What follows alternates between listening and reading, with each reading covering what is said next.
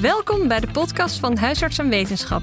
Een podcast met een bespreking van uitgelichte artikelen en nieuwsberichten.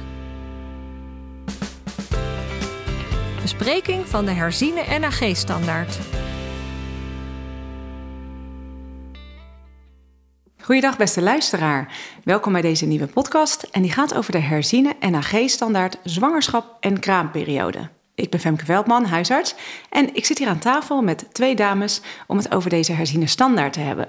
Nou, ten eerste links naast mij zit Vera Christine Mertens. Goedemorgen. Hallo, goedemorgen. Jij bent wetenschappelijk medewerker bij het NAG en daarnaast ook docent en thesisbegeleider aan het HBO van Nijmegen. Ja. Rechts naast mij zit Karen Dame. Goedemorgen. Goedemorgen.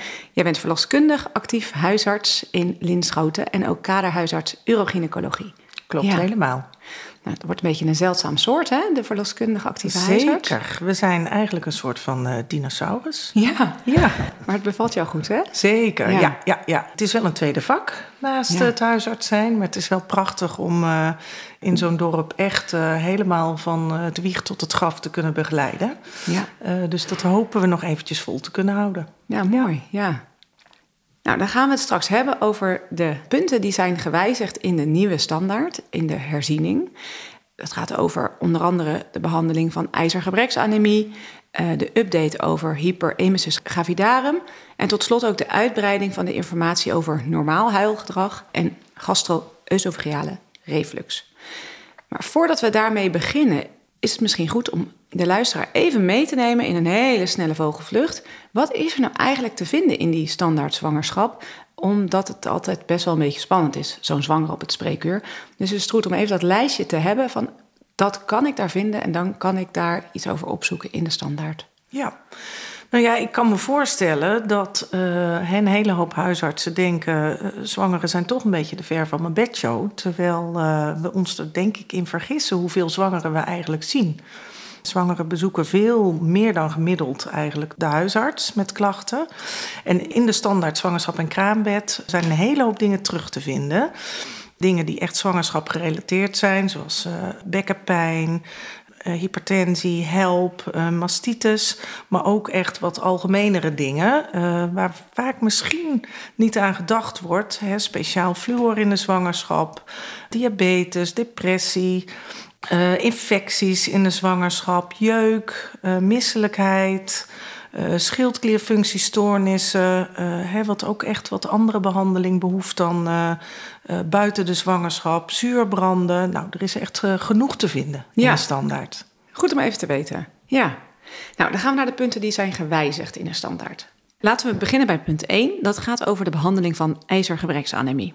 De herziene standaard over anemie bij niet-zwangeren is aangepast. Recent, daar is ook een eh, podcast over, is ongeveer een jaar geleden. En die heeft wat ja, revolutionaire veranderingen in het gebruik van ferro. Namelijk van drie keer per dag één naar twee keer per week één tablet. En hoe eh, heeft deze verandering ook doorgewerkt in de standaard voor zwangerschap? Ja, die heeft in zoverre doorgewerkt omdat wij ons afvroegen of dit ook voor zwangeren zou kunnen gelden. Dus eh zogenoemd intermitterend, of dat eh, ook effectief zou zijn voor, voor deze groep eh, patiënten. We hebben onderzoek uitgepluist daarna en komen tot de conclusie dat dagelijks suppleren net zo effectief is als eh, dit twee keer per week te doen. Dus we kunnen concluderen dat, eh, en dat is ook onze aanbeveling, dat een ijzersuppletie tussen twee en zeven keer per week prima is voor deze groep eh, vrouwen. Het lastige is alleen dat iedereen zou natuurlijk het liefst willen weten wat het beste regime is om de snelheid van HB eh, het snelste te bewerkstelligen. En daarop hebben wij geen eenduidig antwoord op. Je zou kunnen denken dat dagelijks, dus des te meer, des te beter. Maar zo lijkt dat dus waarschijnlijk niet te werken. En dat is ook de reden dat we hebben opgenomen dat de ernst van de anemie wel mee kan worden genomen in de afweging voor welk regime te kiezen. En uiteraard ook de voorkeur van de vrouw en bijwerkingen. Maar echt met de bescheidenheid dat het niet helemaal zeker is of daarmee ook meer snelheid eh, daadwerkelijk bereikt kan worden Ja. Ja, want in de standaard anemie, dan wordt er helemaal op ingegaan hoe zoiets werkt. Hm. En dat, eh, dan wordt er gesproken over dat hepsidine en dat het na inname een tijd wordt opgenomen en daarna niet meer. Mhm, mhm. En dan moet dat op een gegeven moment hè, fysiologisch allemaal weer veranderd worden. En dan wordt het weer opgenomen. Ja. Dus er is een reden dat het dan maar twee keer per week voorgeschreven Ja. wordt. eh, omdat het anders misschien niet goed opgenomen wordt. En de maag-darmklachten die daarbij Ja. kunnen ontstaan bij vaak blootstelling aan Mhm. het ijzer in de darm. Dus dat is dus een, een goede reden. Hè, die bijwerkingen die iemand heeft met maag-darmklachten door ijzer.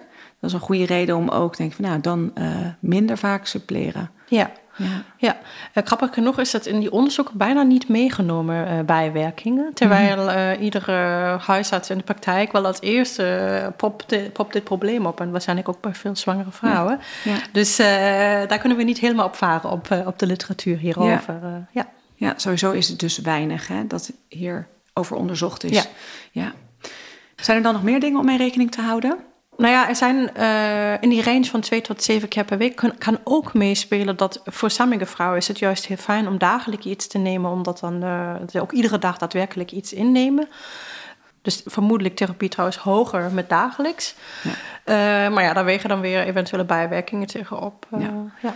En dan is het dus helemaal niet, niet erg om een keertje te vergeten. Ja. En dan is er ook nog iets met duurzaamheid, milieuschade. Mhm.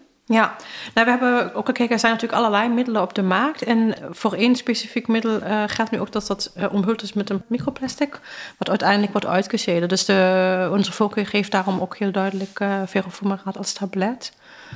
Mooi, nog een extra reden om ferrofumaraat dus voor te schrijven.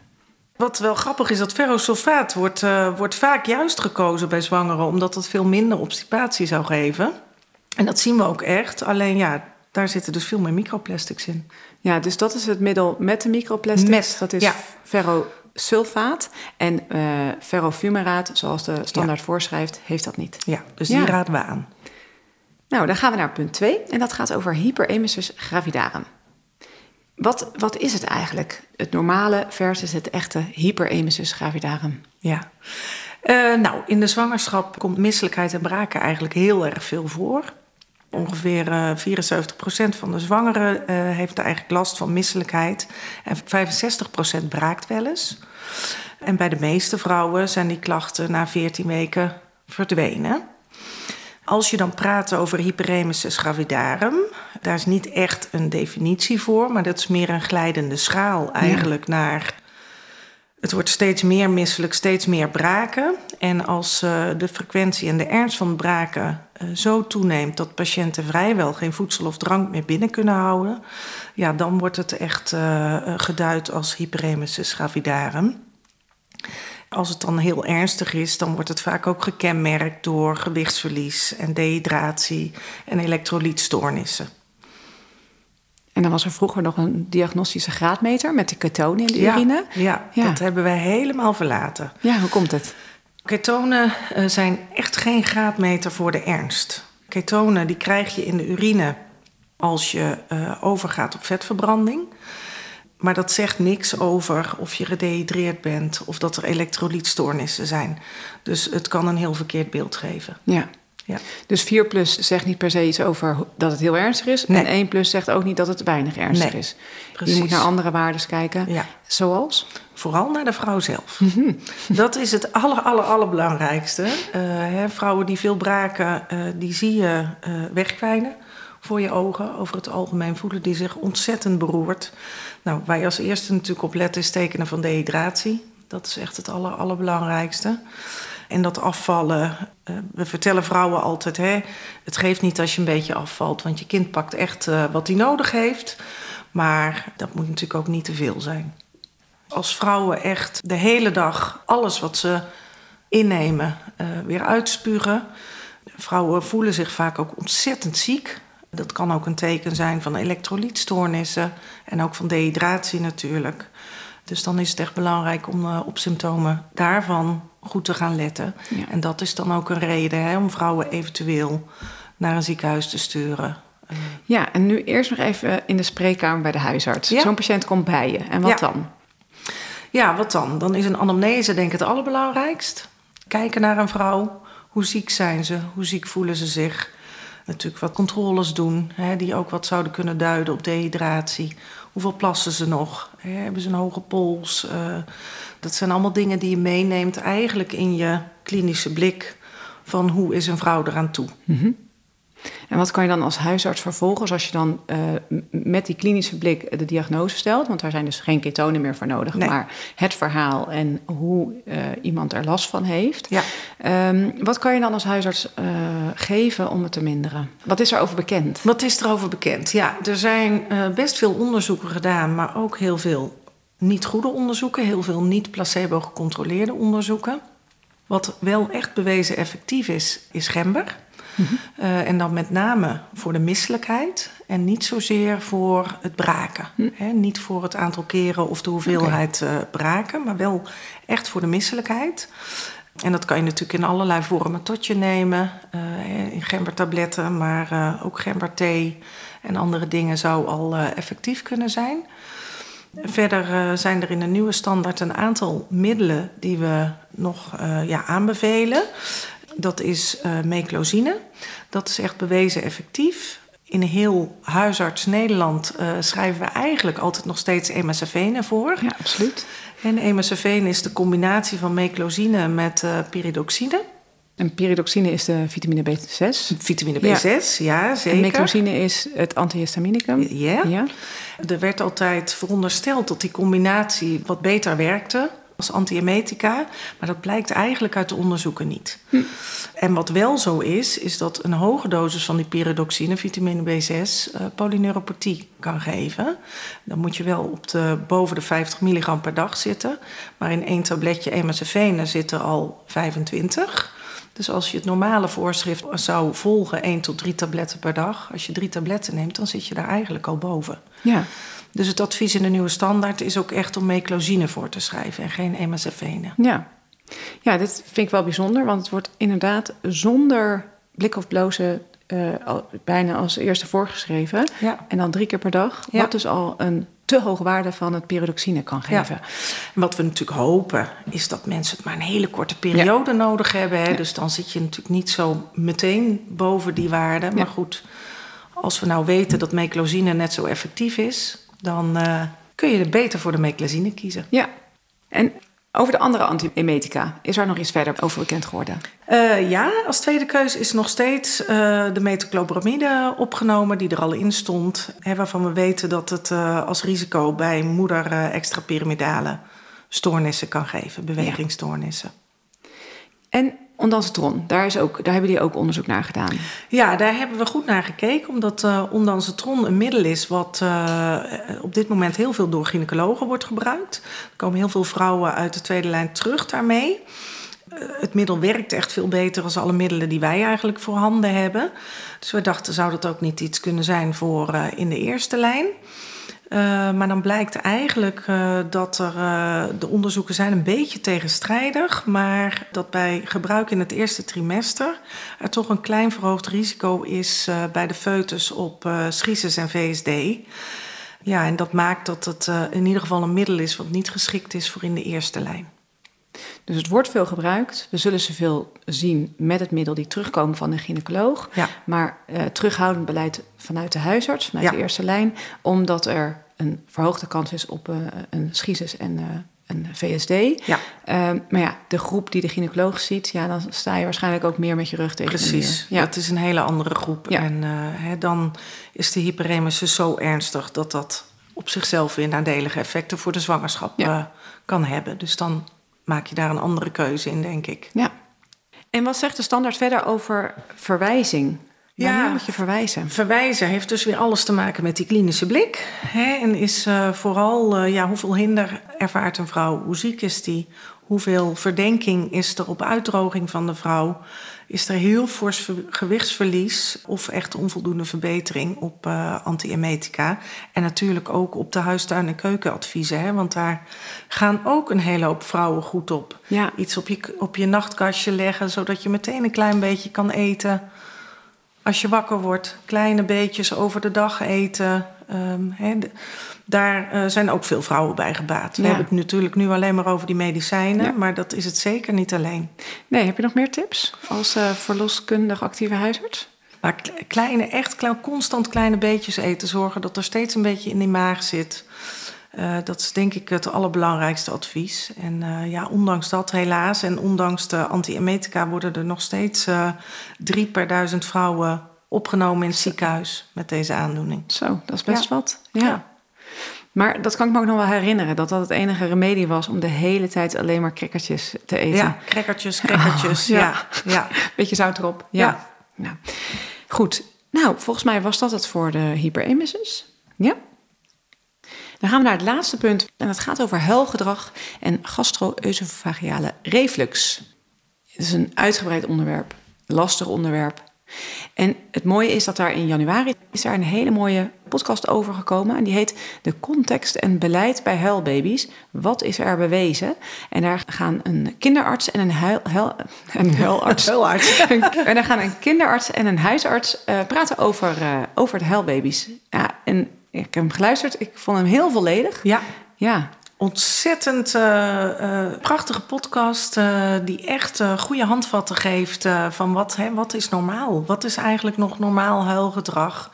En ze leggen ook heel mooi uit dat in die podcast dat het ja, eigenlijk ook heel erg ligt aan de ouders. Hè? Hoeveel kunnen ouders hebben? want er is ook heel veel normaal qua huilgedrag. Ja, ja. Ja, en daar hebben jullie het specifiek ook over in deze standaard. Ja. Dus um, normaal huilgedrag. Ja. ja. Ja, ja voornamelijk ook om hè, nou ja, normaal huilgedrag. Uh, er zit bij elk kind zit er een piek ergens tussen de twee en de zes weken. Uh, dan is het echt normaal dat kinderen twee tot tweeënhalf uur per dag uh, huilen. Dat is best veel. Ja. Gemiddeld. En er zijn dus ook kinderen waar niks mee aan de hand is, die gemiddeld ook nog zelfs wat meer dan dat huilen. En de link, denk ik, die met name in deze standaard is gemaakt, uh, is omdat uh, er ook een stukje in staat over de zorg voor de pasgeborenen. Uh, en dat er ja, eigenlijk ook een beetje een kentering is in ja, het gastro-œsophagale reflux verhaal. voor, vroeger behandelden we eigenlijk heel veel jonge baby's daarvoor. En er is eigenlijk wel uit recent onderzoek uh, naar voren gekomen dat uh, ja, reflux is echt gewoon fysiologisch bij kinderen. En dat er echt wel iets aan de hand moet zijn. Een achterblijvende groei, uh, bloedspugen of echt voedselweigering... om van gastro-œsophagale reflux te spreken. Pathologische reflux. Pat precies, ja. want, want reflux is dus fysiologisch ja. Ja. bij die baby's. Ja. Ik wil graag van je horen, wat zijn nou in de standaard echte praktische handvatten eh, wat er wordt aanbevolen. Uh, nog wel even over die podcast, want je hebt het over de termijn van twee tot zes weken, dat het dan de piek wordt en dat het dan minder wordt. En uh, daar hebben ze het ook in die podcast over, waarbij daar mogelijk toch ook een beetje twee verschillende tijdzones worden aangegeven. Dat ook zelfs tot acht weken uh, nog zeker wel kan spelen. En die kinderarts die vertelde zelfs, nou, als de eerste hapjes komen, dan meestal is het, wordt het echt minder. Ja, ja. Dus dan heb je het over vier maanden al. Ja. Dus dat is nog een stuk drie, verder. vier maanden. Ja, ja. ja. Ja, dat is, er zit natuurlijk ergens een geleidende schaal in. Ja. Hè? De, de, de piek in onderzoeken wordt gezien tussen de twee en de zes weken. Ja. Maar van de zes weken naar de drie maanden zit weer een glijdende schaal ja. hè, terug naar, uh, naar één tot anderhalf uur per dag. Ja. Dus soms is het ook prettiger inderdaad om te zeggen... joh, hè, richting de eerste hapjes, drie, vier maanden... dan is het huilgedrag echt veel minder. En dan, wat wordt er in de standaard geadviseerd? Ja, nou, dus in principe echt niet medicamenteus. Tenzij je dus echt alarmsymptomen hebt. Maar dan doe je dat in overleg met een, uh, met een kinderarts. Dan heb je het over de PPI? Ja, die vermijden we eigenlijk gewoon. Die wordt echt niet meer geadviseerd. Maar ja, je hebt wel ouders met een overmatig spurend kind. En misschien ook overmatig huilend. Dus uh, nou, vooral neem ze serieus. Uh, luister goed uh, wat het probleem is. En dan is er eigenlijk een beetje een stapsgewijze methode om, om ouders te adviseren. Dat begint met vaker voeden, kleinere hoeveelheden, eventueel verdikken met Johannesbroodpitmeel van de voeding. nou, dat zijn allemaal praktische tips die ze zouden kunnen proberen. En als dat allemaal onvoldoende effect heeft, dan staat er ook in de standaard beschreven hè, dat je eventueel uh, een koemelkvrij uh, dieet, dus koemelkvrije voeding, zou kunnen adviseren. Uh, het probleem is dat het best duur is. dat dat niet zomaar vergoed wordt. Dan moet het echt bewezen zijn en voorgeschreven via de kinderarts. Maar er zijn heel veel uh, ouders bereid om in ieder geval een aantal van die pakken te kopen om een uh, eliminatieprovocatie te proberen. Ja. om te kijken dat dat. Nou, ik denk ook uh, voor borstgevoede kinderen, voor die uh, vrouw, bevergt het ook nog best wel wat instructies en inzicht om uh, groenmerkvrij te eten. Als ja. het, dus er komt nog wel, denk ik, best wel wat bij kijken. Ook ja. voor de huisarts om goed daarin te begeleiden of te adviseren ja. dit uit te voeren. Ja, zou je zelfs nog kunnen overwegen om dat in overleg met een diëtiste te doen. Hè? Om, en, het, en de consultatiebureau? Wat kunnen zij hierin? Zeker, die kunnen hier heel veel in. Ja. Die, die adviseren vrouwen hier ook vaak in. Soms komen vrouwen ook terug vanuit het consultatiebureau hè, met dit verzoek. Ja. ja, dat is om eerlijk te zijn het eerste wat er in mij opkomt als we het over koemelk, eiwit, uh, vrije voeding hebben bij babytjes. Uh, oh, daar gaan we. Wie doet wat? Ja. Wo ja. Hoe wordt het vergoed? Uh, het verandert ook voortdurend. Zeker. Ja. ja. Dus um, ja, dat laat ik altijd. Uh, ik stuur ze toch altijd naar het uh, ja. consultatiebureau. Ja, ja, lijkt me een hele goeie. Ja. Ik, ik, denk ook dat het consultatiebureau hier een uh, soort van spinnend web zou kunnen zijn. Uh, voor die hallbabies met name. Ja. Maar uh, ook voor die andere problematiek die daarbij komt kijken. Uit de richtlijnontwikkeling begreep ik ook dat zij zich zien in deze rol. Als spinnend web. Ja. ja. ja. Ja, en weet je, ik denk al deze huistuin, keuken, adviezen, ik denk dat echt het aller, aller, allerbelangrijkste is uh, dat je als huisarts de ouders serieus neemt. Het kind goed onderzoekt. Dat ouders ook echt weten, je hebt er goed naar gekeken. Er is niks anders aan de hand. En daarvoor wordt in die podcast, waar we steeds naar verwijzen, ook een heel mooi handvat gegeven. Hè, waar je allemaal aan kan denken. It Cries. Uh, It Cries. Ja, ja. ja acroniem. Uh, dus allemaal die podcast even luisteren. Ja, want elke letter staat voor uh, iets in de ja. differentiaaldiagnose waar je aan moet denken. Ja, ja. De, de, I voor infectie en de rest heb ik even niet helemaal onthouden. Maar, hè, dus, maar echt het aller, allerbelangrijkste wat je denk ik kan, kan bieden als huisarts... is, is neem ze serieus en kijk goed naar het kind. Ja. Is er dan nog meer over huilbaby's in de standaard? Nee. Uh, dan zijn er nog een paar kleine dingetjes die jullie besproken hebben. En ten eerste is dat het borstvoedingstekort en domperidon. Ja, ik krijg zelf die vraag steeds vaker om dat te geven bij het uh, achterblijven van de borstvoeding. En ik uh, heb dan toch enige ja, huivering van ja, uh, moet het nou met medicijnen? Of wordt er wel ja, genoeg aangelegd? Wordt er tijd voor genomen, Ja. et cetera? Dus ik vind het een lastig, lastige behandeling. Ja. Wat hebben jullie hierover gevonden? Ja, dit is inderdaad de reden hè, waarom we uh, er wel iets over hebben opgenomen. Deze vraag krijgen we steeds vaker als huisarts.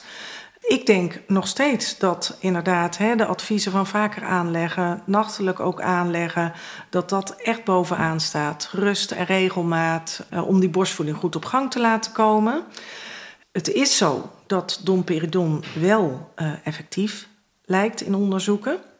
Maar het kan bijwerkingen geven. En dat is ook de reden dat we echt adviseren om er terughoudend mee te zijn. En niet langer dan 1, 2 weken te gebruiken. Uh, en dat is met name uh, cardiale bijwerkingen, QT-verlenging. Dus een cardiale voorgeschiedenis bij moeder is ook echt een contra-indicatie. Ja. ja.